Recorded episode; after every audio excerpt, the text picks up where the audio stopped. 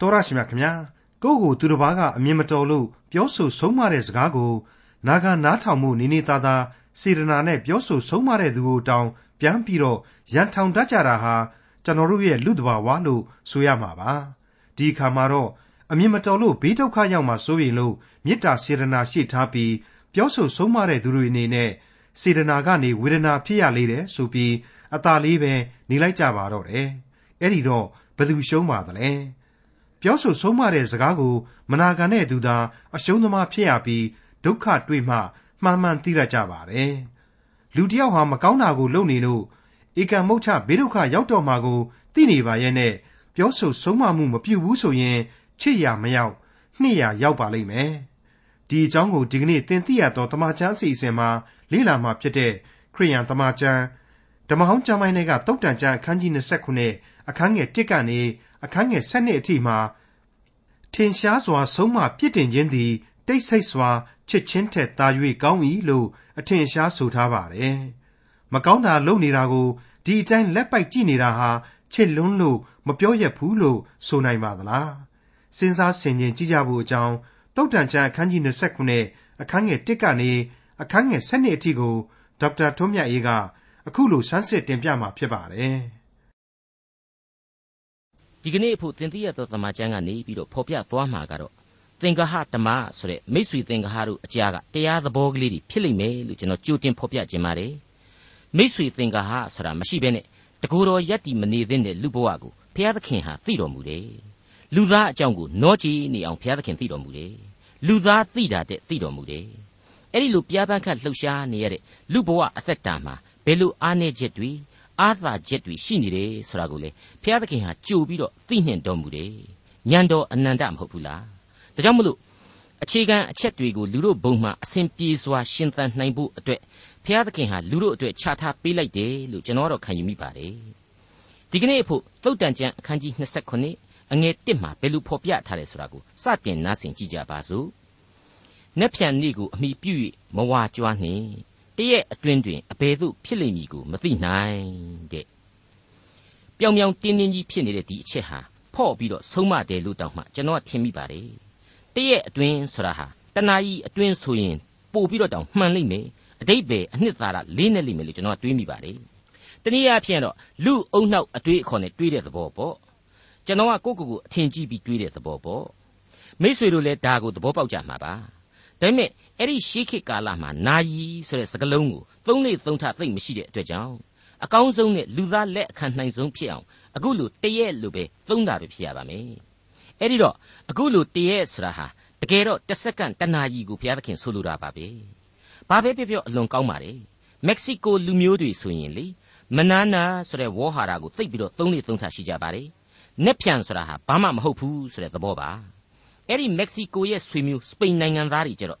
the road of by and by leads to the house of never ဆိုပြီးတော့ပြောလိပြောထားရှိပါတယ်သွားတာသွားရတယ်လူသားဟာအမောင်တောင်မှန်းမြောင်မှန်းမသိဘူးဆိုတဲ့အခြေခံသဘောပဲဖြစ်လိမ့်မယ်လို့ကျွန်တော်တွေးဆမိပါတယ်အင်္ဂလိပ်ကတော့ကြိုပြီးတွေးနေတာဟာအချိန်ကိုခိုးယူခြင်းပဲဆိုပြီးတော့စကပုံရှိထားနှင်ပြန်ပါတယ်အဲ့ဒီလိုအနာဂတ်ရဲ့အကြောင်းတဲ့ပြစ္ဆုတ်ပံအချိန်ကာလရဲ့အရေးကြီးတဲ့အကြောင်းကိုတော့ဟေဘရဲဩဝါဒစာအခန်းကြီး၄ အငယ်9မှာအခုလိုတွေ့နိုင်ပါတယ်တဖန်တုံယနေ့တွင်သင်တို့သည်ဗျာဒိတ်တော်အသံကိုကြားလျက်ရှိသည်ဖြစ်၍ခိုင်မာသောစိတ်နှလုံးမရှိကြနှင့်ဟုဆိုသည်ဖြစ်၍ဤမြလောက်ကာလကြာပြီးမှယနေ့ဟုဒါဝိဒ်ကျမ်းစာ၌လာသောတစုံတစ်ခုသောနေ့ရက်ကိုသေချာစွာမှတ်သားသည်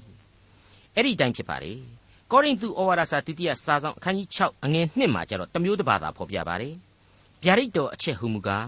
နှစ်သက်ဖွယ်သောအချိန်၌သင်ဤစကားကိုငါနားထောင်ပြီးကဲတင်ရနေ့ရက်ကာလ၌သင်ကိုငါမဆပြီဟုလာသည်နှင့်အညီယခုပင်နှစ်သက်ဖွယ်သောအချိန်ရှိ၏ယခုပင်ကဲတင်ရနေ့ရက်ကာလရှိ၏အဲ့ဒီလိုဖော်ပြထားခြင်းဖြစ်ပါတယ်ရှေးကာလပြည့်ညတ်တိကျမ်းကြီးဖြစ်တဲ့ဟေရှာယအနာဂတ်တိကျမ်းမှာကြတော့အခုလိုပြန်ဆိုထားတာကိုတွေ့နိုင်ပါတယ်ထာဝရဘုရားမိန့်တော်မူသည်ကားလာကြတရားစီရင်ကြကုန်အံ့ သင်တို့အပြစ်သည်หนีသောအဆင်းရှိတော်လေမိုးပွင့်ကဲ့သို့ဖြူလိမ့်မည်ဂရီဘာနီနှင့်အမျှหนีတော်လေသိုးမွေးကဲ့သို့ဖြစ်လိမ့်မည်အဲ့ဒီလိုဖော်ပြထားခြင်းဖြစ်ပါတယ်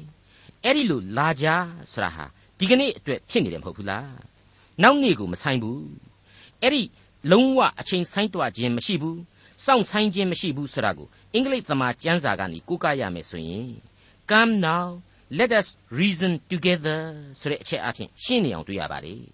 come now တဲ့အခုချက်ချင်းလာကြဆိုတဲ့သဘောပါပဲ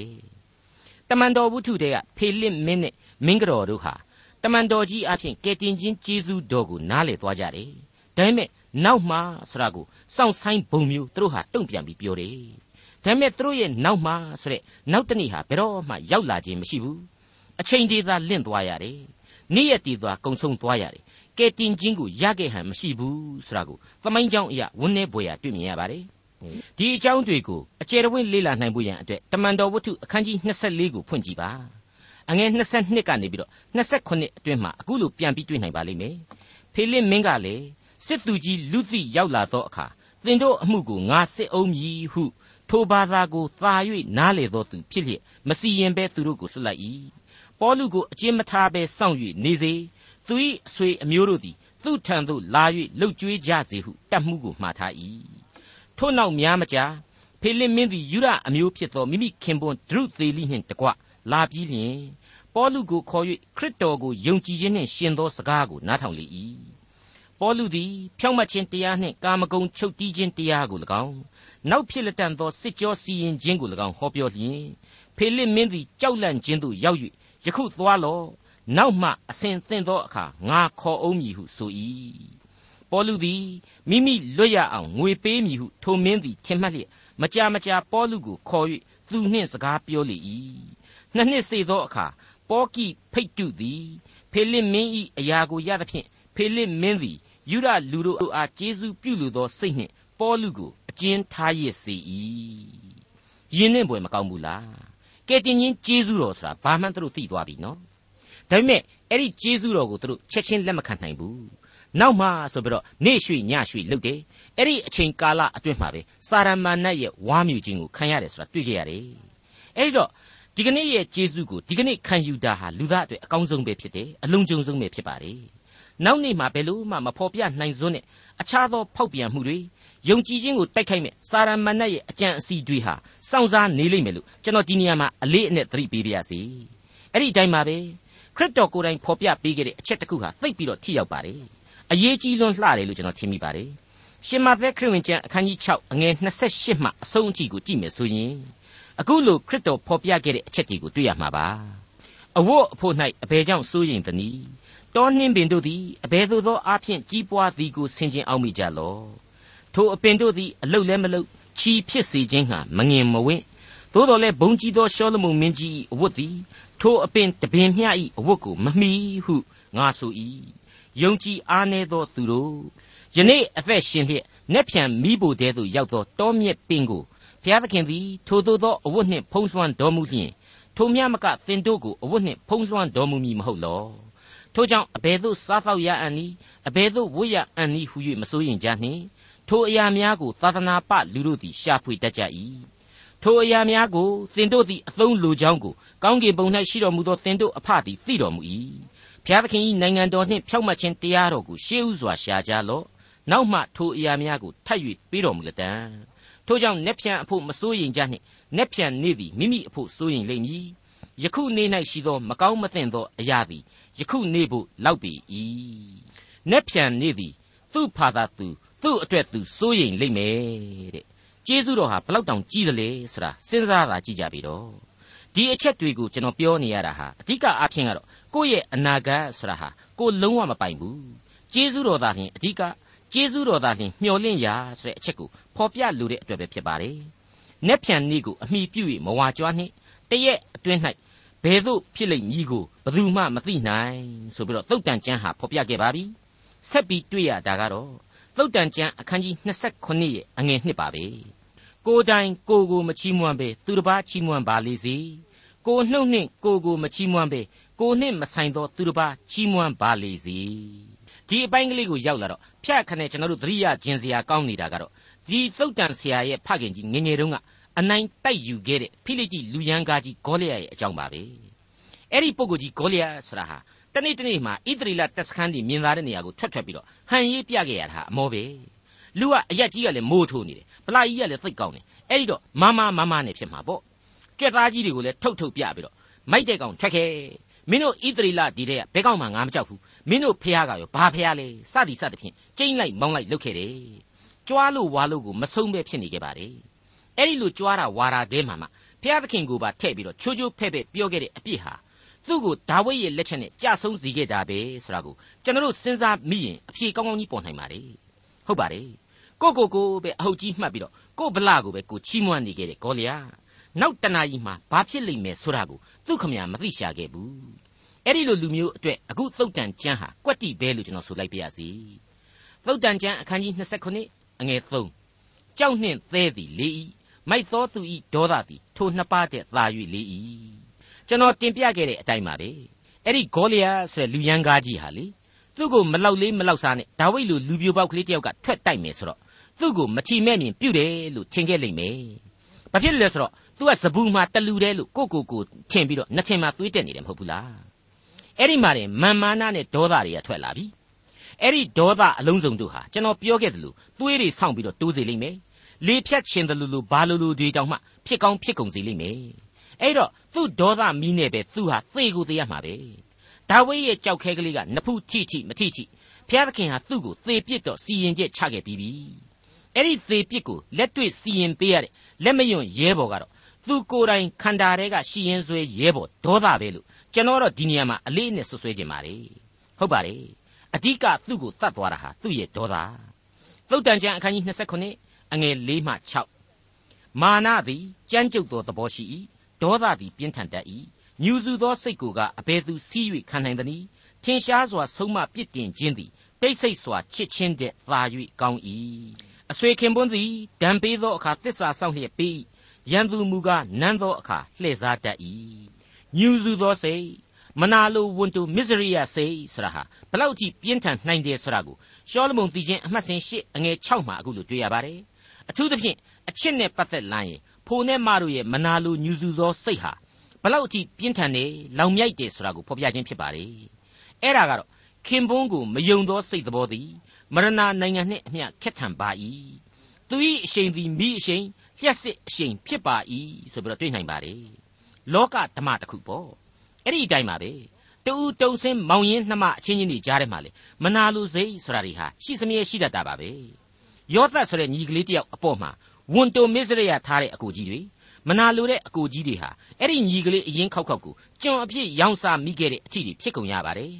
ဒါတောင်မှအကိုကြီးတယောက်ကမသတ်ဖို့တားမြစ်လို့ပါသတ်ဖို့အထီတောင်မှသူတို့အဲ့ဒီလောက်အထိမုံကြီးယွန်ရှာခဲ့ပါတယ် ဒီကောင်လေးသေရင်လေအေးတာပဲဆိုတဲ့အထိခက်ထန်ကြမ်းကြုတ်ရက်ဆက်တဲ့စိတ်တွေပေါ်ထွန်းစေခဲ့တယ်ဆိုတာကိုမေ့ထားလို့မရနိုင်ပါဘူးဒါဟာသမိုင်းပေးသောသင်ခန်းစာပါထင်ရှားစွာဆုံးမပြစ်တင်ခြင်းသည်တိတ်ဆိတ်စွာချစ်ချင်းတဲ့သာ၍ကောင်း၏ဆိုပြီးတော့ဖော်ပြတာဟာလေချစ်တယ်ချစ်တယ်နဲ့ချစ်ရမရောက်ပဲနှစ်ရကိုရောက်စီတတ်တယ်ဆိုတာကိုသတိပေးလိုက်ခြင်းပါပဲကျွန်တော်တို့သိတဲ့အတိုင်းပါပဲနော်တမန်တော်ကြီးရှင်ပေါလုဟာတမန်တော်ကြီးရှင်ပေတရုတယောက်ဂျူးရောင်ရောင်တပားမျိုးသားရောင်ရောင်နဲ့ပြက်ပြက်သားသားမရှိဘဲနဲ့ ကျင့်စဉ်တွေတွေရောရှက်တင်ဖြစ်ခဲ့မိချိန်မှာထင်းထင်းရှားရှားအပြစ်တင်ခဲ့ပါတယ်နောက်ကျောကိုဓာတ်နဲ့ထိုးပြီးတော့ကြောက်မတွန်းခဲ့ပါဘူးအာမနာခဲ့ပါဘူးအဲ့ဒီလိုပွင့်ပွင့်လင်းလင်းရင်းရင်းနှီးနှီးဆုံးမခြင်းအပြင်လေသူတို့ဟာမမုန်းသွားကြတဲ့အပြင်ပို့ပြီးတော့တောင်မှနားလည်မှုတွေရှိသွားခဲ့ကြတယ်လို့ကျွန်တော်တို့တွက်ဆနိုင်ပါတယ်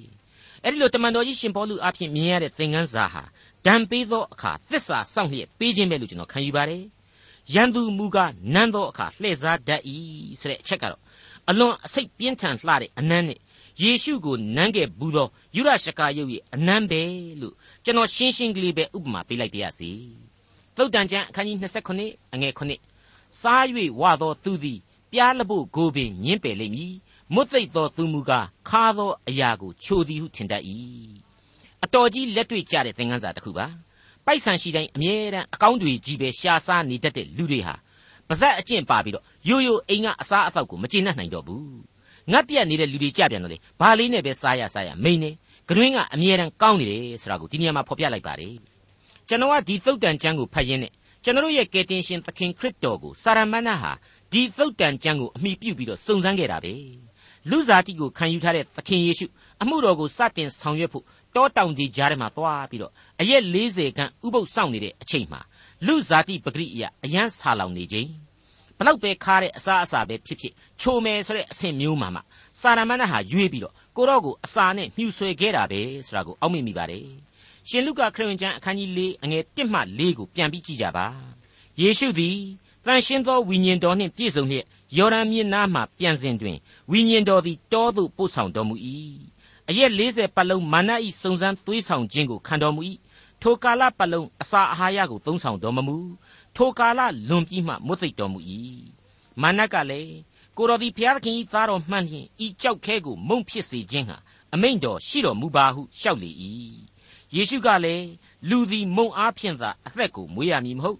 ဘုရားသခင်မိန့်တော်မူသမျှအားဖြင့်အသက်ကိုမွေးရမည်ဟုကျမ်းစာ၌လာသည်ဟုပြန်ပြောတော်မူ၏အခုကိုတော်ရှင်ပြောတာဟာ လောကအစာရည်စာကိုမစားရဘူးရေလို့အရှင်းမဟုတ်ပါဘူး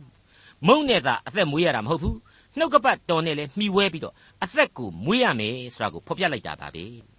ဝိညာဉ်အာဟာရဆိုတာဟာလေခန္ဓာကိုယ်ကျန်းမာရေးအတွက်ပါဤအမျိုးစုံနဲ့အကျိုးပြုနိုင်တာဟာအမှန်တရားပါ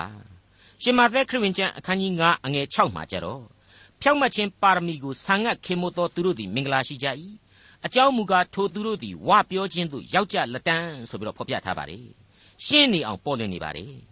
သုတ်တန်ကျမ်းအခန်းကြီး29အငယ်8မိမိနေရာကိုစွန့်၍လဲသောသူသည်မိမိအဖိုက်ကိုစွန့်၍လဲသောငှက်နှင့်တူ၏ဒါအပြင်ကိုထွက်ပြီးလဲတာပတ်တာကိုကြီးဆိုလိုတာမဟုတ်ပါဘူးဘုရားသခင်ပေးအပ်ထားတဲ့အလုတ်အကိုင်းအတတ်ပညာတွေကိုနဘေးချိတ်ပြီးတော့မဆိုင်တဲ့နေရာတွေမှာရှောက်ပြီးတော့ရောင်ပေရောင်ပေလောက်တာကိုဆိုချင်တာပဲဖြစ်ပါတယ်အသင်းတော်နဲ့အသင်းတော်အဖွဲ့အစည်းတဲမှာလေကိုကကိုနေရာနဲ့ကိုမနေတတ်ဖ ೇನೆ ဆက်ဆက်ဆက်ဆက်ဝင်ပါကျင်တာတွေ ကိုနဲ့မသိလျော်တဲ့တာဝန်တွေကိုအတင်းဝင်ယူကျင်တာတွေကိုဒီနေရာမှာဆိုလိုခြင်းလို့ကျွန်တော်ခံယူပါတယ်ကျွန်တော်ကတော့ရှင်းရှင်းပဲပြောချင်ပါတယ်ကျွန်တော်အဖွဲ့အစည်းကြီးတွေမှာကိုလည်းမကျွန်းဘူးကျွန်းကျင်တဲ့လူကိုတော့လည်းစိတ်ချမ်းသာအောင်မမွေးခြင်းဘူးဒီတဲ့ဆိုတာကတော့ငါဟာလူကြီးဆိုတဲ့မာမာနနဲ့အထက်စီးကဩဇာအာဏာပြတာဒီချိုးချိုးဖဲ့ဖဲ့လှုပ်တာတွေဟာသိပ်များလွန်းနေတယ်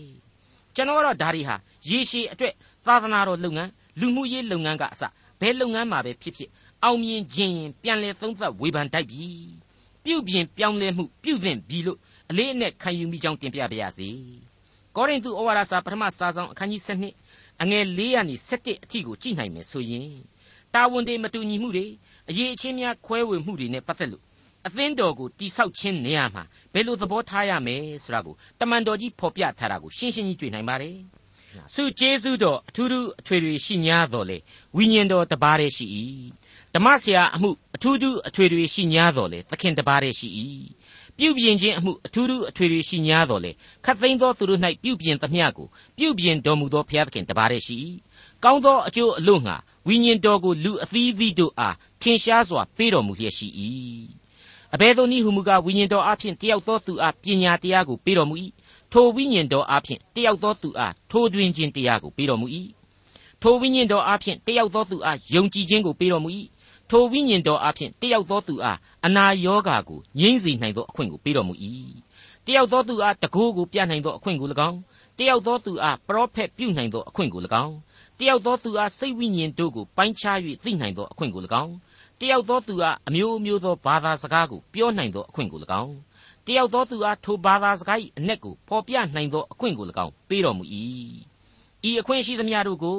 တပါးတည်းသောဝိညာဉ်တော်သည်ပြုပြင်၍ လူအသီးအသီးတို့အားအသီးအသီးခံရသောအခွင့်ကိုအလိုတော်ရှိသည့်အတိုင်းဝေငှ၍ပေးတော်မူ၏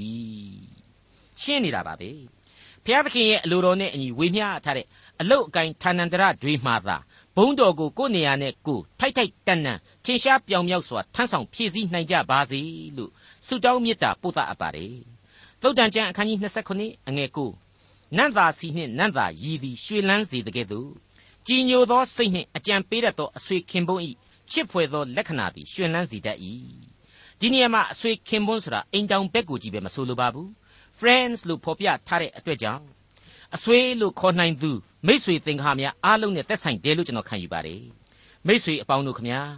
ဘဝအသက်တာမှာအဆွေခင်ပွန်းမရှိတဲ့လူတစ်ယောက်ရဲ့ဘဝဟာမသားရနိုင်တယ်လို့အဆွေခင်ပွန်းတွေဒုက္ခပေးတဲ့အတွက်ကြောင့်ပြဿနာတွေတက်ရတာမျိုးလေအမြောက်အများရှိနိုင်ပါတယ် အငယ်30ကိုဆက်ပြီးကြည့်ကြပါကိုအဆွေခင်ပွန်းနှင့်အဖအီအဆွေခင်ပွန်းကိုမစွန့်နှင့်အမှုရောက်သောကာလ၌ညီအကိုအိမ်တို့မသွားနှင့်နီးသောအိမ်နီးချင်းသည်ဝေးသောညီအကိုတဲ့သာ၍ကောင်း၏ကိုင်းကိုကျွန့်မိတယ်ကျွန်းကိုကိုင်းမိတယ်ဆိုသလိုတူးနဲ့တူးချစ်ချစ်ခင်ခင်ရင်းနှီးနေတဲ့အိမ်နီးနာချင်းတွေတစိမ့်တယံဇန်တွေဟာညီအကိုအရင်အခြာတွေတက်တောင်မှပို့ပြီးတော့ကောင်းနိုင်ပါတယ်လို့ဆိုလိုခြင်းဖြစ်ပါတယ်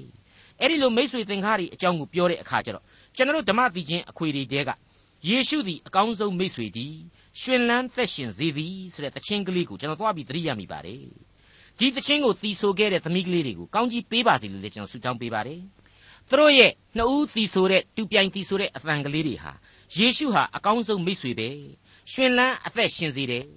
ဒါတဲ့မကလူသားအတွက်စပားနဲ့မိုးရေကိုလည်းပေးသေးတယ်ဆိုတဲ့အချက်တွေးကိုကျွန်တော်အများကြီးပဲစိတ်ဝင်စားမိပါတယ်ကြည်နူးနှစ်သိမ့်မိပါတယ်